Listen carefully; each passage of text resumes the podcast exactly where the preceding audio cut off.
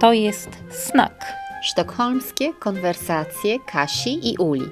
Podcast Katarzyny Tubylewicz, pisarki, dziennikarki i tłumaczki oraz uczuli chowaniec. Nauczycielki akademickiej, profesorki historii literatury i kultury. Mieszkamy w Sztokholmie. I stąd Snak, czyli szwedzka pogawędka. To podcast o Szwecji po polsku. O Polsce ze Szwecji a także o książkach, o wydarzeniach, o tematach bieżących w kulturze i polityce, o naszych ponowoczesnych obyczajach, o odnajdywaniu siebie pomiędzy kulturami, o kobietach i mężczyznach. Dla kobiet i mężczyzn. Zapraszamy! Katarzyna, lubisz luty?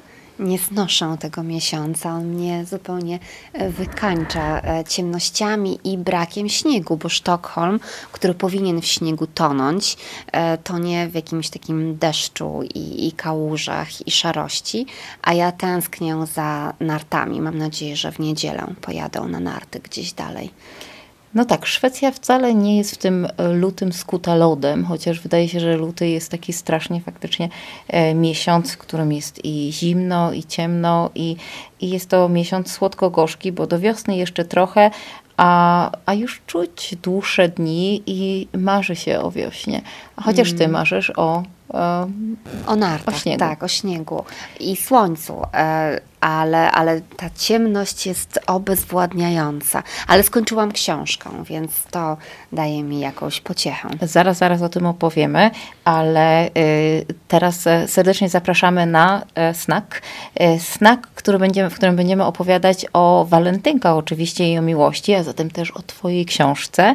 Będziemy... O Boże, jak to strasznie zabrzmiało. Bo wiesz, bo ja chcę powiedzieć, że ja nie lubię walentynek, więc jak łączy się moją no książkę, no tak, która jest w ogóle Tak, ja cię przepraszam. Bardzo ty, to znaczy, to będzie o miłości, e, mówię tutaj e, wszem i wobec, o miłości, ale nie o walentynkach. Ale, nie, nie.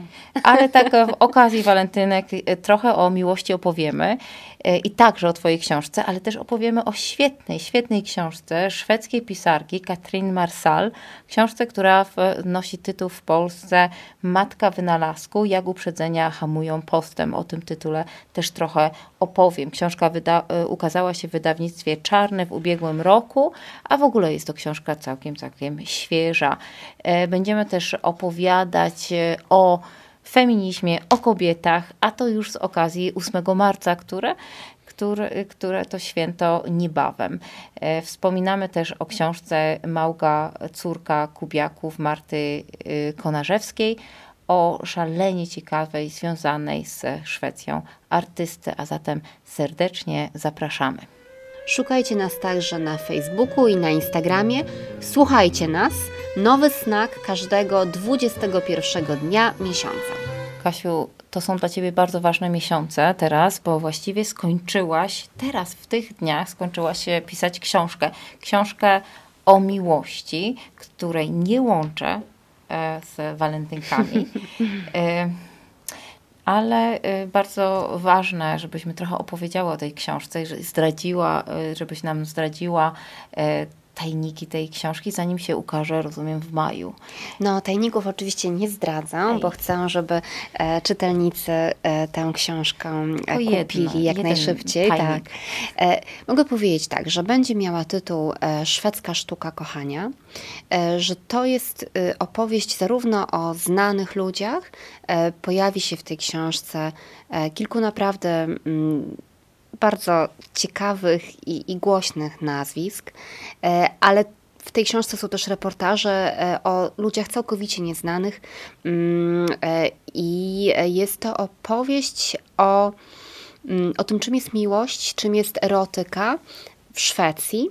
Ja postanowiłam napisać tę książkę przede wszystkim dlatego, że zastanawiałam się, na ile e, taki dawny e, mit o tym, że Szwecja to jest kraj niesamowicie wyzwolony, mit o szwedzkim grzechu, o którym mówiło się w latach 60., o którym mówili tacy politycy jak amerykański prezydent Eisenhower, który potępiał Szwecję za niemoralność i za to, że właśnie jest takim krajem hipisów niemalże Ciekawa byłam, na ile ten mit jest jeszcze obecny w tym kraju, tym bardziej, że mm, znam go na tyle dobrze, e, że wiem, że to jest z jednej strony kraj mm, bardzo wielkiej tolerancji i bardzo dużej wolności myślenia, także o erotyce, mm, ale z drugiej strony jest to kraj północny, dawny protestancki, w którym są takie też elementy e, chłodu czy mm, jakiegoś takiego e, zablokowania czasem emocjonalnego. E, ale ta moja książka, mm, praca nad nią, stała się zupełnie niezwykłą przygodą i ludzie, których spotkałam i to, co oni powiedzieli mi, całkowicie zmieniło moje wyobrażenie nie tylko o Szwecji, ale też w ogóle moje myślenie o miłości jako takiej e, i o tym, czym ona jest. Myślę, że to jest taka książka, po której przeczytaniu nie ma się już żadnej definicji miłości, natomiast bardzo się będzie dobrze rozumiało, jak strasznie ważne to jest dla nas doświadczenie egzystencjalne i jak bardzo różne doświadczenie dla bardzo różnych ludzi. E, I mogę tylko powiedzieć, że w tej książce pojawia się właściwie wszystko. Jest to tam miłość monogamiczna, romantyczna, miłość znaleziona bardzo późno w życiu, poliamoria, wolna miłość, promiskuityzm, tantra, przeciwnicy tantry. Są też oczywiście w mojej książce związki tęczowe bardzo różnorodne. Mm, od tęczowych rodzin żyjących gdzieś w willi na przedmieściach, takich szwedzkich kowalskich, bo tak o sobie mówią, że są typowymi Svensonami. E, rodziny, które e, żyją w tak tolerancyjnym kraju, że mm, w ogóle nie rozumieją, na czym miałaby polegać ich oryginalność ale spotykam także osoby nieheteronormatywne, które uważają, że ich orientacja seksualna mm, jest też jakąś formą e, kontrkultury i które budują swoje życie miłosne i erotyczne e, w opozycji do mm, jakichś konserwatywnych i tradycyjnych wzorców. Mm, ta książka jest próbą odpowiedzi na pytanie, czym jest miłość w kraju, w którym nie ma dulszczyzny, w którym jest bardzo mało moralizowania, zwłaszcza religijnego, bo Szwecja jest niezwykle sekularyzowana. Mm, czym jest miłość w kraju, w którym jest tak silny indywidualizm, że ludzie nie boją się samotności, nie boją się czasami gwałtownych zmian w życiu, E, które mogłyby spowodować, że przez jakiś czas będą sami. E, staram się temu przyjrzeć i zrozumieć, na ile kultura, w której żyjemy, kraj, w którym żyjemy, kształtuje także nasze uczucia. To jest tylko jedno z pytań zadanych w tej książce, bo mm, ona jest po prostu bardzo uniwersalna i myślę, że ma bardzo wiele perspektyw ale wspaniali bohaterowie, bardzo samoświadomi, e, bardzo piękni ludzie, no i niezwykła różnorodność e, doświadczeń. Myślę, że dla polskich czytelników niektóre historie, jak na przykład opowieść o rodzinie poliamorycznej, w którym jest mm, troje dorosłych, którzy żyją razem i dziewięcioro dzieci, e, że to będzie coś takiego bardzo w pierwszej chwili dziwnego, a potem jak się to przeczyta, to się nagle to okaże bardzo e, oswojone. E, I tak będzie z wieloma innymi historiami, pewnie. Świetnie, bardzo fajne jest to, że mówisz, że e, nie, nie, nie, nie, ma tam, nie, nie dostarczasz jakiejś jednej definicji, że właściwie pokazujesz, że miłość jest jakby ucieka od wszelkich definicji i że jej realizacja jest związana z tą niezwykłą energią, między, która się pojawia między ludźmi. I właśnie niekoniecznie między dwojgiem a, e, nas, ale e, między różnymi konstelacjami. Ale właśnie, trochę mnie zaintrygowała ten, zaintrygował ten poliamoryczny wątek, bo Y, bo to jest coś, co wciąż budzi cały szereg różnych y, niepokojów. Y, miłość wydaje nam się taka rzeczą, takim uczuciem bardzo zaborczym, bardzo często związany z, taką, z takim poczuciem lęku i możliwością straty, bo miłość bardzo często jest traktowana właśnie jako miłość i rozumiana jako miłość taka monogamiczna, która ma w sobie mnóstwo zaborczości, chęci zawłaszczenia kogoś, i, a zatem też i mm, zazdrości, potrzeby bycia kimś tym jedynym, wyjątkowym, właśnie takie potrzeby wyłączności, e, prawda? A zatem Jak tu zdekonstruować tą monogamię z tej, tego doświadczenia twojego właśnie, właśnie pisania o tym? Co, co się tam, co, no, co można zrobić? Ja, ja, jak można zdekonstruować e, monogamię, na to też jest oczywiście bardzo wiele e, odpowiedzi i nie każdy musi tę monogamię dekonstruować, bo my e, wszyscy jesteśmy bardzo silnie wciąż poddani platońskiemu mitowi o tym, że miłość to odnalezienie tej drugiej, drugiej połówki. połówki tak? A to wiadomo, że mogą być ćwiartki. Tak, ale, ale ja, ja, nie chcę być tutaj apostołem e, poliamorii. Natomiast to, natomiast jednocześnie uważam, e, po, po tym jak tę książkę napisałam i, i właśnie porozmawiałam z bardzo wieloma różnymi ludźmi, a także po prostu znając chyba dobrze w jakiś sposób też na poziomie mm, obserwacji prywatnych życia, że ludziom często miłość myli się, e, znaczy małżeństwo z więzieniem, e, miłość z posiadaniem. E, tak. Jest bardzo wiele takich elementów w miłości też narzuconych przez społeczeństwo. Zdrada, która jest tabu w bardzo wielu kulturach, także w Szwecji, w mojej książce jest bardzo ważny i piękny rozdział też na temat zdrady. I, e, I wydaje mi się, e, że e, gdzieś tam czai się taka prawda, o której mówi jedna z moich bohaterek, której w tej chwili nie zdradzę imienia i nazwiska, ale mogę powiedzieć, że ona jest mm, seksuolożką i psycholożką, która jednocześnie żyje mm, poliamorycznie i zajmuje się też na poziomie teoretycznym krytyką monogami mm, w takim wymiarze, że ona twierdzi, że monogamia ma w sobie elementy nieetyczne, e, dlatego że taka e, przysięga że będę Cię kochać aż do śmierci, e, zawiera w, i, i będę Cię kochać i będę oczekiwać, że będziemy tylko my e, dwoje dla siebie, całym światem, że w tym zawiera się m, mm, jakaś taka, znaczy taka dosyć zarozumiałe przekonanie, że można rzeczywiście drugiemu człowiekowi na każdym etapie oferować, ofiarować wszystko z siebie e, i że można być tą osobą, która cały czas dostarcza drugiej osobie e, możliwości rozwijania się czy przeżywania różnych emocji. I ona uważa, że to jest bardzo e, ryzykowne i podkreśla też, że we współczesnym świecie tak naprawdę mm, monogamia mm, w kulturach, no, zwłaszcza Europy Zachodniej, w ogóle Zachodu, nie istnieje. Istnieje monogamia seryjna. E, ludzie mają kolejne związki i w tych związkach starają się być monogamiczni.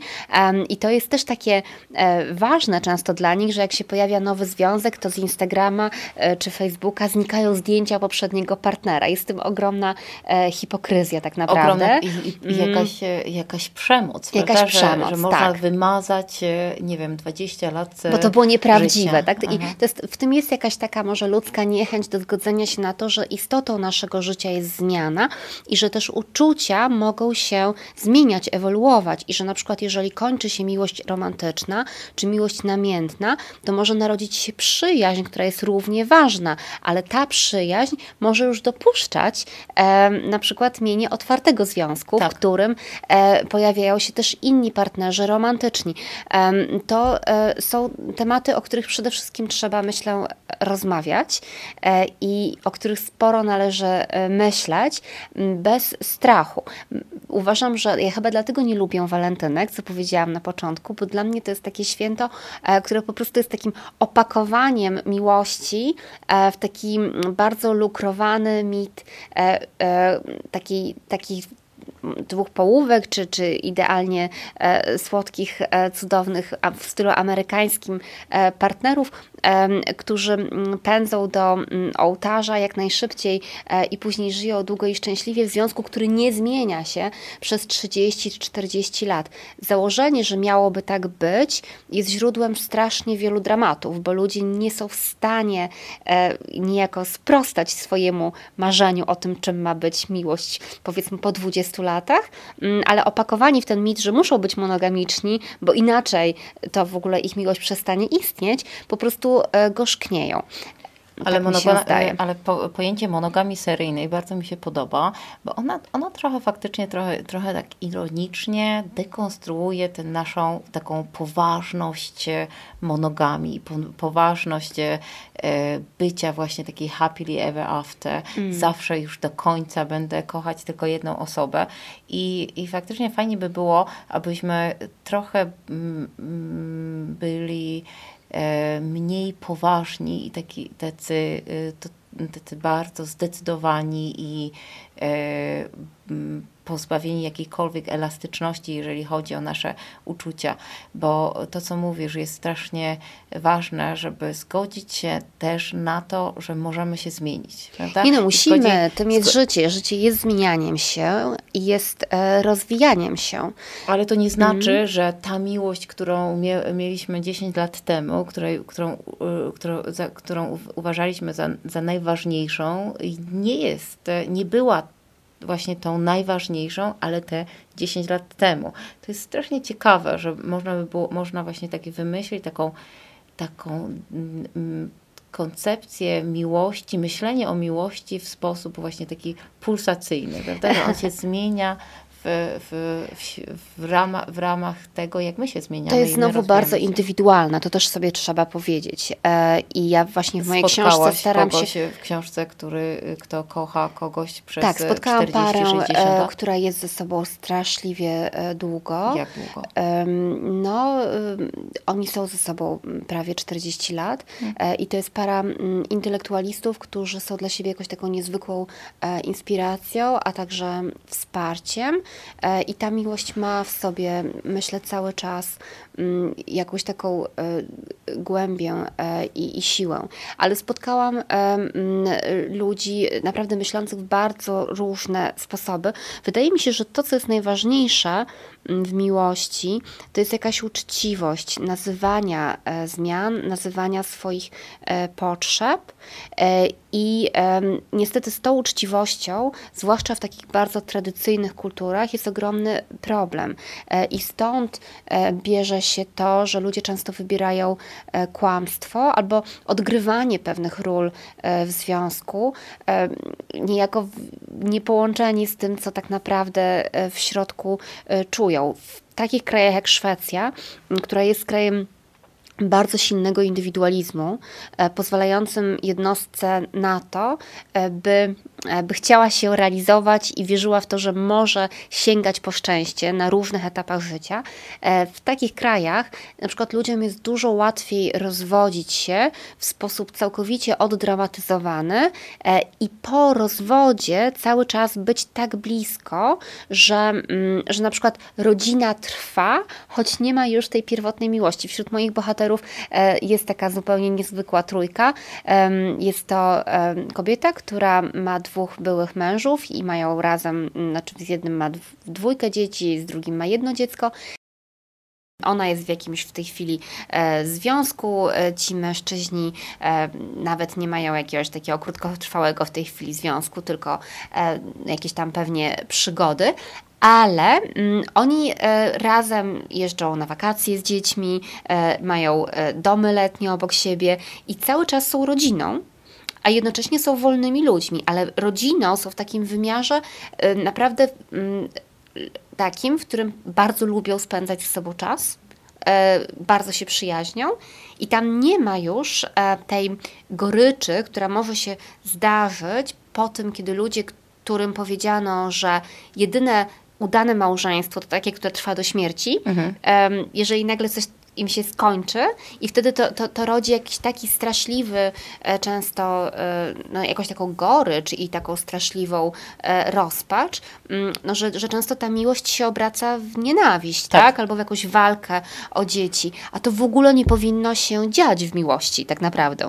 Tak, ale to jest e, trudne, ponieważ e, bardzo trudno jest tak, żeby ludzie byli bardzo tak, na takiej samej pozycji, stali na takiej pozycji, na takim samym tym etapie rozwoju tej miłości, tak, prawda? Że bardzo, że często jest tak. tak. że ktoś jeszcze kocha, a ta druga, druga osoba odchodzi. Ale ja chciałam tylko powiedzieć, e, właściwie kończąc ten wątek e, e, miłości, do której wrócimy, bo oczywiście książka, kiedy ukaże się w maju, o niej to na pewno opowiemy już z detalami mm. i z nazwiskami konkretnymi, to więc serdecznie za, do tej, zachęcamy naszych słuchaczy do tego, żeby wyczekiwali na mm. majowe. Maj to jest piękny miesiąc właśnie taki na miłość. Tak. Przynajmniej na książkę o miłości. Ale w temacie poliamorii powiedzmy tylko sobie to, że e, ja zresztą wspominam też o tym w mojej książce, że na przykład e, Polska dzisiaj tak bardzo mm, no, konserwatywna obyczajowo e, była krajem, którym, w którym latach, w latach 30. można było żyć otwarcie poliamorycznie w niektórych to znaczy, kręgach. Ja nie wiem, czy można było żyć. Pewno było związane, związane było z tym, to z tym, że, że, że, że, że zarabiało się na, na jakąś taką e, e etykietkę gorszycielki, czy, e, czy szalonej kobiety, ale zdecydowanie tak było, bo ja właśnie myśla, myśląc o, o tym, te, w tym temacie, myślałam o, e, o bohaterce, która, która, o której napisałam książkę, czyli o Irenie Krzywickiej.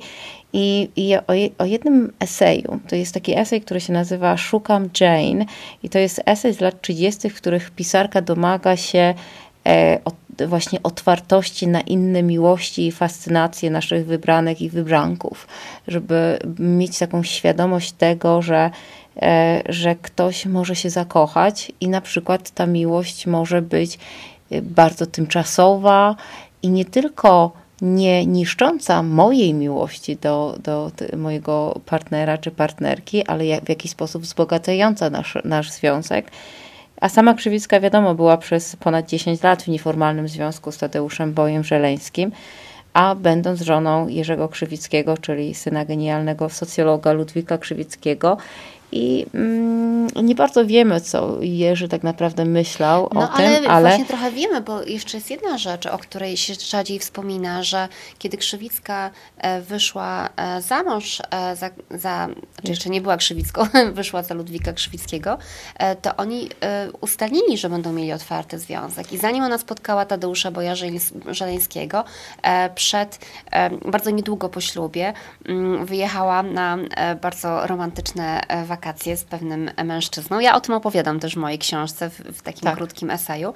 Um, i, e, I wydaje się też, że ta otwartość była tak duża, e, także dlatego, że Tadeusz Bojżeleński był również w związku otwartym, jego żona tak, i mnóstwo różnych. miała też znaczy, Ta otwartość była, otwartość jest, była nie taką otwartością, jak na przykład dzisiaj myślimy o tym, że, mhm. że jest to niemalże pewien związany kontrakt, prawda? Tylko przy, w przypadku Krzywickiej i e, Ireny i Jerzego tak, to oni, mhm. m, oni prawdopodobnie o tym mówili, zresztą Krzywicki środowiska tak mówi, ale o ile jej wierzyć, że bo czasami tam przeszłość łatwo napisać po wielu latach, zwłaszcza, że jak mąż już nie, nie żyje, i, y, ale mm, ale y, tak, oni się zgodzili na, na to, y, bo, bo Krzywicka była tak, tak charyzmatyczną postacią.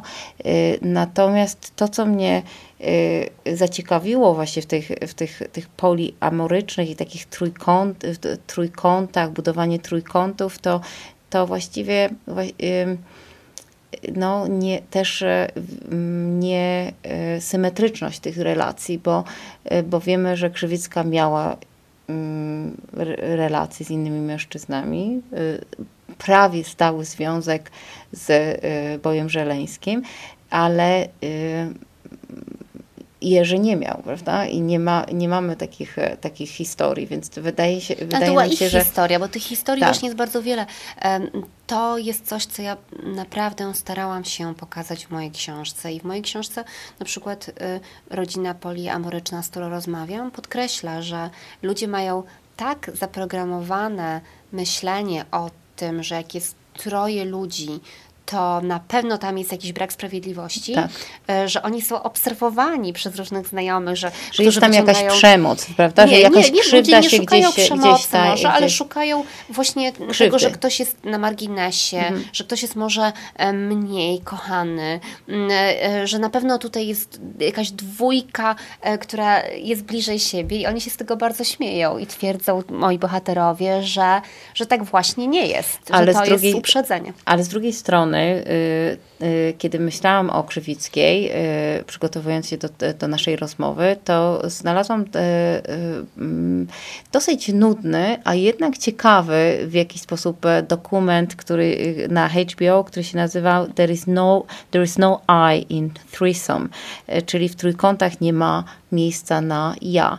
I to jest bardzo dziwny eksperyment, w którym dwoje właśnie no trochę jak Krzywicka i Jerzy, to znaczy jak Irena i Jerzy, tuż 6 miesięcy przed ślubem zdecydują się, że będą mieć otwarty związek, aby wyszaleć się. Mm. I bohaterka, e, dziewczyna, e, znajduje w tym właśnie otwart tej otwartości, znajduje e, innego partnera, którym na ten 6 miesięcy decyduje się na taki prawie paralelny stały związek, takie mają dwa stałe związki. Oni się spotykają nawzajem w takich y, w takich relacjach, w takich trójkątach, to znaczy y, główna bohaterka i jej ekstra chłopak z, z tym pierwszym chłopakiem i również, również dwie dziewczyny i, i, i ten właśnie pierwszy narzeczony. Y, ale kończy się ostatecznie dosyć konserwatywnie, to znaczy tak, że że, że bohaterka okazuje się, że, że tak naprawdę zakochała się, że to jest e, w tym, tym drugim swoim chłopaku i że jest tak, jakiś taki właśnie taka, e, taki etap właśnie tej seryjnej monogami, prawda? I, Bo tak też może i, być. Ja i, tu, mhm. i tu i, te, i tak mnie, mnie y, zaciekawiło, czy przypadkiem ten y, dokument nie jest właściwie takim taką krytyką, właśnie tego, trochę ideologiczną krytyką, że uważaj, zawsze jest, e, pojawia się jakiś taki element e, krzywdy, właśnie element bólu, że ktoś, ktoś w takich eksperymentach zawsze będzie cierpiał. Hmm, być może, e, mm, być może tak jest. Ja w ogóle staram się właśnie nie oceniać. I starałam się pisząc moją książkę, po prostu bardzo uważnie e, słuchać e, moich bohaterów e, i przekazywać ich prawdę, przyjmując jako podstawowe założenie, że miłość, a także erotyka, w, tym, w mojej książce jest tak, że czasami one idą w parze, czasami idą oddzielnie. Mam w tej książce też rozdziały po prostu o, o erotyce, niekoniecznie związanej e, z miłością, ale że to są takie sfery naszego życia, w których po pierwsze jest jakaś tajemnica, e, które wymagają dosyć dużo wewnętrznej wolności, by mogły być w pełni realizowane, wolności myślenia, a to już jakie ludzie mają potrzeby i do jakich dochodzą wniosków, mm, to jest jakaś oddzielna historia, ale myślę, że podobnie jak w jakiejś takiej historii e, poliamorycznej, która e, na przykład może okazać się tylko etapem w życiu, czegoś uczy i potem człowiek przechodzi do, do, do kolejnego związku, w którym, który jest jednak monogamiczny. Mm, coś takiego może się nie udać i, i może zostawić rany, ale może także się zakończyć rozstaniem, ale nie być niczym nieudanym. I to samo tyczy się związków tradycyjnych. Po prostu niektóre związki trwają bardzo długo, a niektóre się kończą, ale to wcale nie oznacza, że które, te, które się kończą, są e, gorsze. Gorsze albo się nie udały. E, to, to, to jest jakieś bardzo błędne e, założenie, które chyba wynika właśnie z naszego lęku przed utratą i z tego wbitego gdzieś tam w głowę, w podświadomość przekonania, mm, że to jednak ta instytucja małżeństwa, no, która jest społeczną instytucją, jest I, odpowiedzią, tak, mhm. która jest odpowiedzią i że to jest odpowiedź na wszystkie nasze potrzeby, także te romantyczne, że wszystko można w nią włożyć i że ona może sobie trwać, trwać, trwać i jeżeli będzie trwała powiedzmy lat 50, to znaczy, że to jest szczęście. A to jest trochę bardziej złożone, bo czasem to jest wielkie szczęście, a czasem e, wcale nie. Ja, ja po prostu myślę, e, że, że właśnie tak jak powiedziałam, miłość jest bardzo ważnym, egzystencjalnym doświadczeniem człowieka e, i ona nas bardzo wiele uczy i jest bardzo piękna, ale jej się nie da zakuć w jakieś takie różne przekonania, że to powinno być tak, albo powinno być inaczej, albo wszyscy chcą być monogamiczni, albo wszyscy tak naprawdę powinni spróbować poliamorii, bo wtedy się wyzwolą. Nie, my naprawdę jesteśmy równi i mamy do tego prawo. Fantastycznie. Zapraszamy do e, wyczekiwania na Twoją książkę, która ukaże, ukaże się w maju. Książka szwedzka. Sztuka kochania. Szwedzka sztuka kochania. Wielka litera wydawnictwo. To jest znak sztokholmskie konwersacje Kasi i Uli. Pamiętajcie, polubcie nas na Facebooku i na Instagramie. Bądźcie z nami na patronite.pl. Istniejemy dzięki temu, że Wy jesteście. Katrin Marsal, książka Matka wynalazku Jak uprzedzenia hamują postęp. Po 2010 roku sądziliśmy, że już niedługo zbudujemy roboty, które będą jak ludzie, że wkrótce całe społeczeństwo będzie zautomatyzowane, a maszyny będą od nas lepsze we wszystkim. Tym prędzej, im więcej tranzystorów uda nam się upchać w mikrochipach ich elektronicznych mózgów. Lecz okazało się, że to nie takie proste. Nie stworzyliśmy jeszcze maszyn, które są jak ludzie. Za to udało nam się zorganizować ludzi tak, jakby byli maszynami i zaczęliśmy nazywać to innowacją. Myśleliśmy, że sposób, w jaki w tamtych latach organizowaliśmy pracowników, wynika bezpośrednio z nowej techniki. Niezależnie od tego, czy chodzi o szwedzką opiekę domową, czy o model biznesu w holenderskiej branży fryzjerskiej. Jednak to, że istnieje technika cyfrowa pozwalająca rozwożącym paczki na nieco więcej swobody, nie znaczy jeszcze, że trzeba obarczać ich, obarczać ich odpowiedzialnością za, za znalezienie za siebie zastępstw w przypadku, gdy, kiedy zachorują.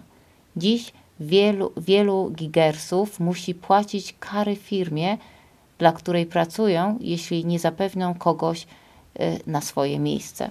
Skutki są oczywiście takie, że pracują nawet kiedy są chorzy. Podobny system można znaleźć zarówno w startupach, jak i w szacownych przedsiębiorstwach będących własnością państwa francuskiego. Logika jest ta sama. I właśnie to stanowi główny problem. Słuchacie znaka sztokholmskich konwersacji Kasi i Uli. Wspierajcie nas na patronite.pl i dzięki Waszemu wsparciu ten znak jest możliwy i razem z nami tworzycie go. A teraz porozmawiamy o książce, e, którą ja właściwie dopiero odkrywam, bo zaczęłam ją czytać e, dzięki Uli, e, która się nią zachwyciła. E, to jest książka szwedzkiej autorki mieszkającej w Londynie, Katrin Marsal. Po szwedzku ona się zwie Ad Uppfina Welden, e, po polsku Matka Wynalazku. E, I to jest zupełnie niesamowita opowieść o tym, e, jak patriarchat wpływa na ekonomię i na innowacyjność i jak przez no, wiele, wiele wieków i lat lekceważenia i marginalizowania kobiet różne E, rzeczy były opóźniane. I książka zaczyna się opowieścią o tym, e, że ludzkość najpierw wylądowała na Księżycu, e, taki wynalazek, a dopiero później, dopiero w latach 70., wprowadzono w użycie inny wynalazek, który wydawałoby się no jest dużo prostszy niż zbudowanie rakiety, a mianowicie zainstalowano kółeczka e, na e, walizkach, co później zmieniło całkowicie to, jak się buduje dzisiaj lotniska i w ogóle jak się podróżuje. Nawet to, jak się planuje podobno samoloty, e, jest w jakiś sposób powiązane z tym, że walizki mają dzisiaj kółka. Mm, Marsal dowodzi, że to opóźnienie wprowadzenia w użycie wynalazku kółka do walizek ma związek związek z tym, że kobiety do lat 70. nie podróżowały same, zwłaszcza e, nie w związku na przykład z pracą, e, I uważało się jednocześnie, że męski mężczyzna nosi walizkę, a nie ciągnie za sobą coś, co przypomina może wózek dziecięcy, a jest walizką. I to jest fascynująca perspektywa. Tak, i Marsal też mówi, że najpierw trzeba było sprawić, żeby ta walizka na kółkach nie była kobieca, tylko była właściwie taką y, unisex albo zupełnie pozbawioną tego właśnie myślenia, że to jest coś dla kobiet, to jest coś, co umniejsza męskości prawdziwemu mężczyźnie, aby stała się absolutnie akceptowalnym produktem, ponieważ to, o czym mówi y, książka, i to jest fa fascynujące, bardzo ciekawe, ciekawa analiza pewnych zjawisk, takich wybranych zjawisk, z perspektywy tego, że ekonomia świat wynalazków związany i świat e, no, kapitalistyczny e, produktów związany jest, jest po prostu światem męskim. A zatem wszystko musi być także stać na straży tego, aby nie umniejszać męskości. Więc ta o ile produkt można zdefiniować po męsku, to staje się popularny. A mogłabyś podać jeszcze jakieś e, przykłady takich e, produktów, czy, czy takich jakichś opóźnień w innowacyjności Absolutnie. spowodowanych przez patriarchat? E, tak, ale za, najpierw jak e, można by było opowiedzieć trochę o tym tytule, ponieważ ten e, Ad Upfina Verden to jest Wymyślić świat. Tak. Ta książka, która pojawiła się w Szwecji w 2020 roku, czyli całkiem niedawno, natychmiast została przetłumaczana na, po angielsku w 2021 roku i to znaczy y, mniej więcej w tym samym czasie, kiedy została przetłumaczona na język polski. I zostaje przetłumaczona na, po angielsku jako Mother of Invention, co jest oczywiście bawieniem się przysłowiem, że konieczność jest matką wynalazków, necessity is the mother of invention, co, co po polsku znaczy potrzeba jest matką wynalazków i ten polski też yy, tytuł, tytuł e, Matka Wynalazku też bawi się właśnie tym, tym, e, tą, e, tym przysłowiem. Polski cały tytuł jest podobny do angielskiego, ale też nie do końca. Jest jak uprzedzenia hamują postęp, angielski e, podtytuł e, How Good Ideas Get Ignored in an Economy Built for Men. Polski tytuł właściwie ten jakby umniejsza trochę feminizmowi tego angielskiego tytułu, hmm, który też w ogóle tego feminizmu nie ma po nieczucie po angielsku i właściwie ona bardzo fajnie pisze, ponieważ nie mamy tak, jakkolwiek jest to bardzo fajne takie feministyczne myślenie o historii, o ekonomii i o wynalazkach, to nie jest to jakaś taka absolutnie feministyczny dyskurs, który wydało, wydaje się jakoś taki totalnie ideologiczny. Ona jest po prostu bardzo przekonująca. Ja tylko jeszcze wspomnę, że polskie tłumaczenie, zresztą bardzo fajne tłumaczenie jest, te to jest tłumaczenie Mariusza Kalinowskiego, naszego też znajomego tutaj mieszkającego w Szwecji. No, wybitnego tłumacza. Wybitnego tłumacza, naprawdę, który przyczynił się do przetłumaczenia całego szeregu różnych e, ważnych rzeczy e, z literatury szwedzkiej. Na przykład książkę Macieja Zaręby, Dom z dwiema wieżami przełożył i dostał za to nagrodę Kapuścińskiego. Oczywiście, zresztą świetna, świetna książka i mieszkający w cudownej małej miejscowości w Copa Berry, gdzie, gdzie miałam okazję być. Zresztą Y, z, y, dzięki mojej sąsiadce, która mieszka zaraz obok hmm. Mariusza. Świat jest y, mały. Bardzo. Mm. Ale wracając do Marsal, ty, ten tytuł Matka, Matka i Wynalazku jest dobrym tytułem, ale absolutnie przekona, przekornym, bo chodzi o to, że tak jak matka, czyli koncept zupełnie patriarchalny, czyli bo matka w kulturze, polityce czy religii to raczej matka żołnierzy, synów i misjonarzy, to, e, to tak samo jest z tą potrzebą, która jest e, matką wynalazku, ale chodzi oczywiście o potrzebę męską. I myśle, myślenie właśnie, że o ile męs, mężczyzna potrzebuje, to wtedy ten wynalazek staje się ważny, mhm. zdobywa jakąś taką ważność, która jest uwiarygadniana przez ekonomię, można w tę wa ważność inwestować. I wydaje się trochę, jak, że to jest konspiracyjna teoria, ale chyba tak nie jest. I to jest, on, na przykład przykładem jest te, te, te kółki, kółka do walizek. Dopiero wtedy są przyczepiane na masową skalę, kiedy so, so, przestają kojarzyć się z, kobie, z kobiecością. Ale ważne jest to też, ale na przykład jest przykładem też jest e, e, ten przemysł motoryzacyjny, czyli samochody, który i okazuje się i właściwie bada to, znajduje takie świetne historie, świetne historie, jak historię Berty Benz, która w 1888 roku bez wiedzy swojego męża, który wymyśla y, na tyle na tyle silny silnik, który pozwala, y, żeby samochód jechał w długą podróż i w 1888 roku zabiera swoich synów, dzieci i wybiera się do swojej matki, czyli na taką pierwszą podróż długodystansową, 15 kilometrów, I jedzie te, przez tę podróż przez jakieś 8 godzin, ten samochód, yy, ten silnik czasami się za, zatrzymuje, trzeba, trzeba go naprawiać, coś tam, yy, coś tam yy, przy nim kombinować, ale dojeżdża i to jest pierwsza ważna yy, podróż, która pokazuje, że samochód nie jest jakimś yy, kaprysem, tylko stanie się niesamowicie ważnym Y, elementem komunikacji.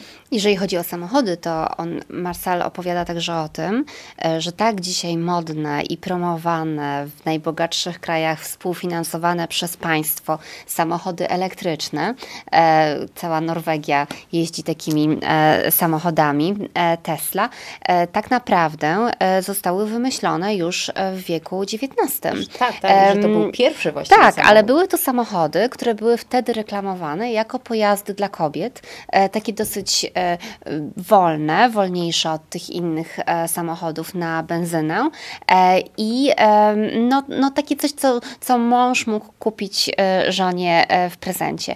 I przez to, że miały być one kobiece, no to nie były produkowane masowo i właściwie zniknęły jako wynalazek, aż okazało się, że zaczynamy dbać o środowisko i że to już teraz też jest interes mężczyzn i nagle e, są to właśnie te samochody, e, w które wpatrują się wszyscy ludzie, którzy pragną luksusu e, i nowoczesności.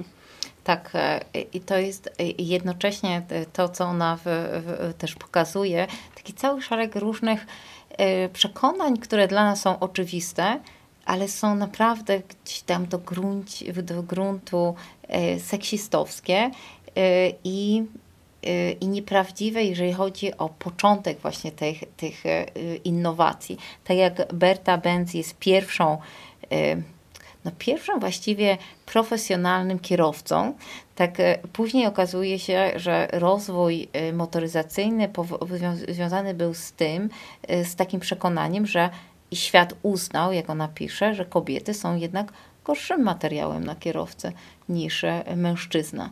I y, mi to wmawiano w Polsce. Ja jestem naprawdę od wielu lat e, bardzo dobrym kierowcą, bezwypadkowym e, i uwielbiam prowadzić e, samochód, ale muszę powiedzieć, że dorastając Polsce ja słyszałam tyle kobiet, które albo były ośmieszane jako kierowcy przez swoich mężów albo innych mężczyzn, albo uważane za takich kierowców, którzy prowadzą tylko wtedy, kiedy mąż trochę wypił, e, albo właśnie się słyszało, że kobiety to nie mają tego samego e, zmysłu, mm, orientacji, nie czują tak samochodu, że naprawdę to bardzo opóźniło moje zrobienie prawa jazdy.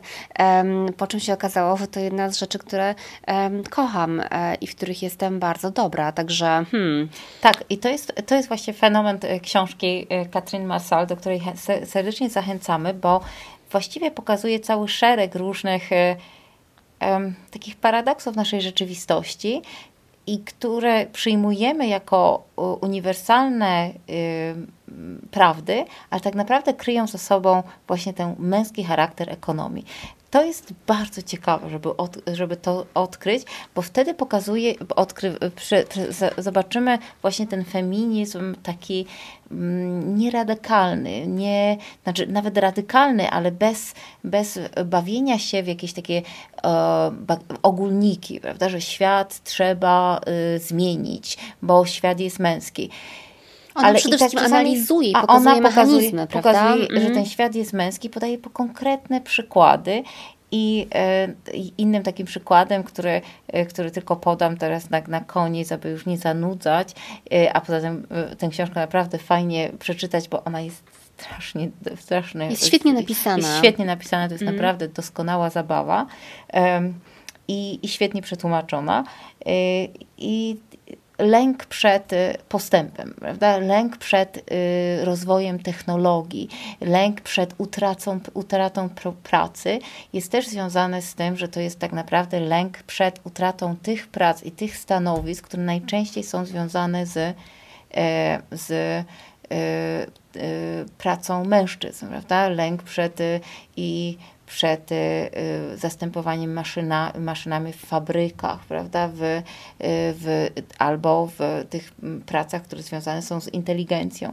I w tym rozdziale, w którym pokazuje, jaka jest różnica i na czym polega wyższość tenisistki Syrian Williams nad szachistą Kasparowem, ten, pokazu, ten argument polega na tym, że mm, Kasparow, będąc e, absolutnym mistrzem szachów, w, w tym momencie nigdy nie jest w stanie i żaden, żaden mistrz, ludzki mistrz szachów nie jest w stanie wygrać z komputerem.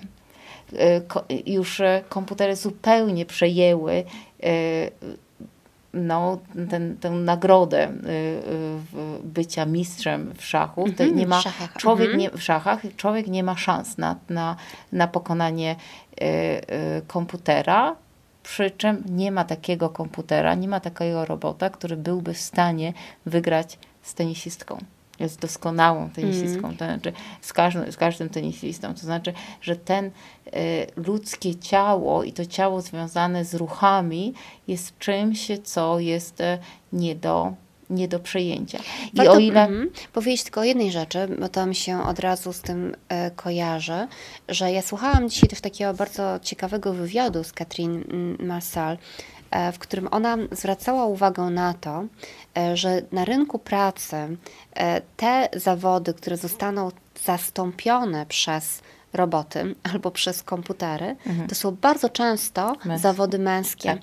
A ciekawe jest właśnie to, że te zawody, często gorzej opłacane, które częściej wykonują kobiety, jak powiedzmy zawód pielęgniarki e, czy przedszkolanki, różne zawody opiekuńcze, ale też zawody wymagające kreatywności, ale tutaj już nie ma takiej dysproporcji między kobietami a mężczyznami, te zawody nie znikną e, ponieważ e, właśnie komputery nie będą w stanie zastąpić na przykład konieczności odczuwania empatii w pracy.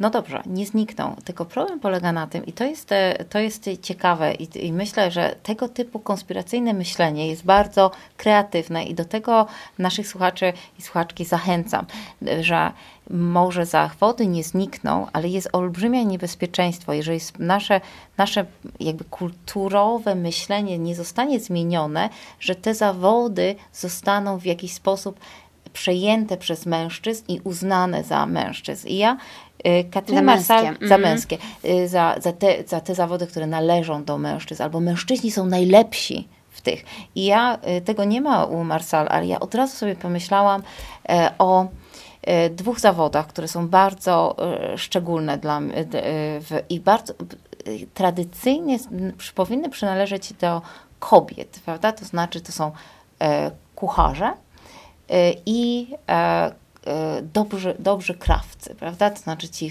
należący do takiego świata designu. Mm. I w jakiś sposób, nawet jeżeli tradycyjnie gdzieś tam w domach właśnie to kobieta szyje, prawda, fastryguje, kiedy to kobieta gotuje w domu swoje obiady, tak naprawdę tak nasza kultura przez ostatnie właśnie 20-30 lat stworzyła taki mit dobrego szefa kuchni, dobrego kucharza, tego, który jednocześnie jeździ dookoła świata. I mamy te, tych przykładów różnie i w Szwecji, w Anglii czy w Polsce, takie postaci, które, stają, które nam mówią o dobrych kuchniach świata i to są najczęściej mężczyźni. Tak, ale wiesz, mm, e, starajmy się w tym e, otaczającym nam, nas ciemnym e, miesiącu wnieść trochę optymizmu albo utopii, myśli utopijnej, żeby jakoś tak połączyć te dwa tematy dzisiejsze podcastu.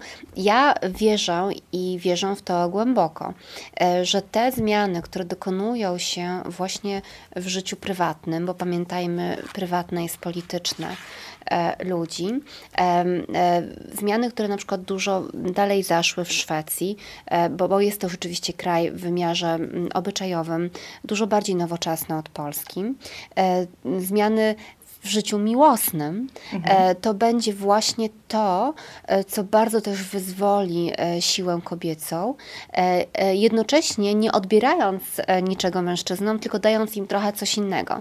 Mm, generalnie myślę, że właśnie ta zastana, zastane myślenie o instytucji, o, znaczy o instytucji małżeństwa, o miłości jako obowiązku, ja się strasznie nie zgadzam czy jeszcze obowiązkiem to jest miłość, chociaż też nie obowiązkiem, ale odpowiedzialnością jest miłość do dzieci. Natomiast e, miłość e, między dwojgiem ludzi tak? E, nie powinna być pojmowana w kategoriach obowiązku. To jest jakaś wzajemność, to jest też przyjaźń, której musi się mieścić wzajemna pomoc, mm, ale to naprawdę nie jest coś, w czym trzeba trwać i się męczyć, bo tak należy. Ja myślę, że to jest bardzo właśnie konserwatywne, bardzo pasuje mężczyznom, dlatego właśnie tak dzisiaj jest e, na świecie, że to kobiety częściej e, występują o rozwód, e, bo mężczyźni jak już tak się zasiedzą w tym małżeństwie, gdzie jest im wygodnie, mm, to ewentualnie mogą chcieć mieć jakąś tam historię na boku i to nie w wymiarze związku otwartego, tylko raczej ukrytą, mm, ale nie tak chętnie rezygnują z małżeństwa, bo to jest bardzo wygodna pozycja dla wielu mężczyzn być mężem. E, I, I tutaj, znowu nie chcę tutaj brzmieć jako osoba, która jest wielką krytyczką małżeństwa w ogóle jako takiego, ale, ale ta taka zastana forma miłości, jako mm, takie osadzenie w społecznych rolach, które się po prostu trwa, trwa i tak tylko usztywnia z wiekiem. Jak to się zmieni, a to się już zmienia, to to może spowodować, e, że będzie też więcej e, wynalazków dla kobiet i dokonywanych przez kobiety i, i strasznie dużo zmieni się w świecie jeżeli tak, zmieni się prywatność. Być, absolutnie. I, I, to jest bardzo fajne przesłanie na, na koniec, że Powalentynkowe z krytyką walentynek. Powalentynkowe z krytyką walentynek, mhm. że zacznijmy od myślenia właśnie takiego bardzo niezależnego myślenia o miłości, nie jako obowiązku, ale jako radości bycia w jakiejś relacji. O magii, o szczęściu, o rozwoju. Energii. Tak. A wtedy właśnie ten świat y, ekonomii, potwornej męskiej e ekonomii, y, która y, zawłaszcza i, i, i ogranicza, a, a ostatecznie też y, polityki zmieni się. Tak, i zmiękczy i w ogóle dużo się zmieni, bo też ja myślę, że ludzie szczęśliwi, a ludzie szczęśliwi w miłości są generalnie szczęśliwi, um, e, są po prostu lepsi dla świata e, i dla siebie samych. E, także utopia. Utopia. Kończymy y, właściwie po hipisowsku. Bardzo ale dobrze. jeszcze muszę wspomnieć, nie mam już na to czasu, żeby o tym mówić, ale chciałam tylko powiedzieć, że czytam w tej chwili fascynującą książkę e, Małga, córka Kubiaków. E, to jest książka napisana przez Małgę Kubiak Kubiak i Martę Konarzewską mm, i opowiada o artystce niesamowicie kontrowersyjnej, e, takiej, dla której sztuka stała się życiem e, i to wszystko się splotło i jest w tym ogromna e, siła. Być może stanie się tak, że o tej książce porozmawiamy w jakimś podcaście. Koniecznie. Może będzie tak, że o niej coś tam ja napiszę, ty napiszesz, ale zwróćcie uwagę na tę książkę, bo ona jest bardzo ciekawa. Ja Małgę Kubiak znam też osobiście, współpracowałam z nią w swoim życiu, a poza tym mam takie poczucie pewnej łączności z nią bo urodziłyśmy się tego samego dnia, ale nie tego samego roku, ale Aha. jednak jest jakieś połączenie. Tak, to jest ciekawe mhm. spotkać kogoś z tego tak. samego dnia. Y, serdecznie pozdrawiamy, zapraszamy na nasz snack, zapraszamy do, na patronite.pl i dziękujemy za wszelkie, wszelkie wsparcie. I prosimy o Wasze sugestie i o to, żebyście z nami dyskutowali, na przykład na Facebooku. I do zobaczenia 21 marca, czyli na wiosnę, a tymczasem wszystkiego dobrego na Dzień Kobiet. Tak, wszystkiego dobrego.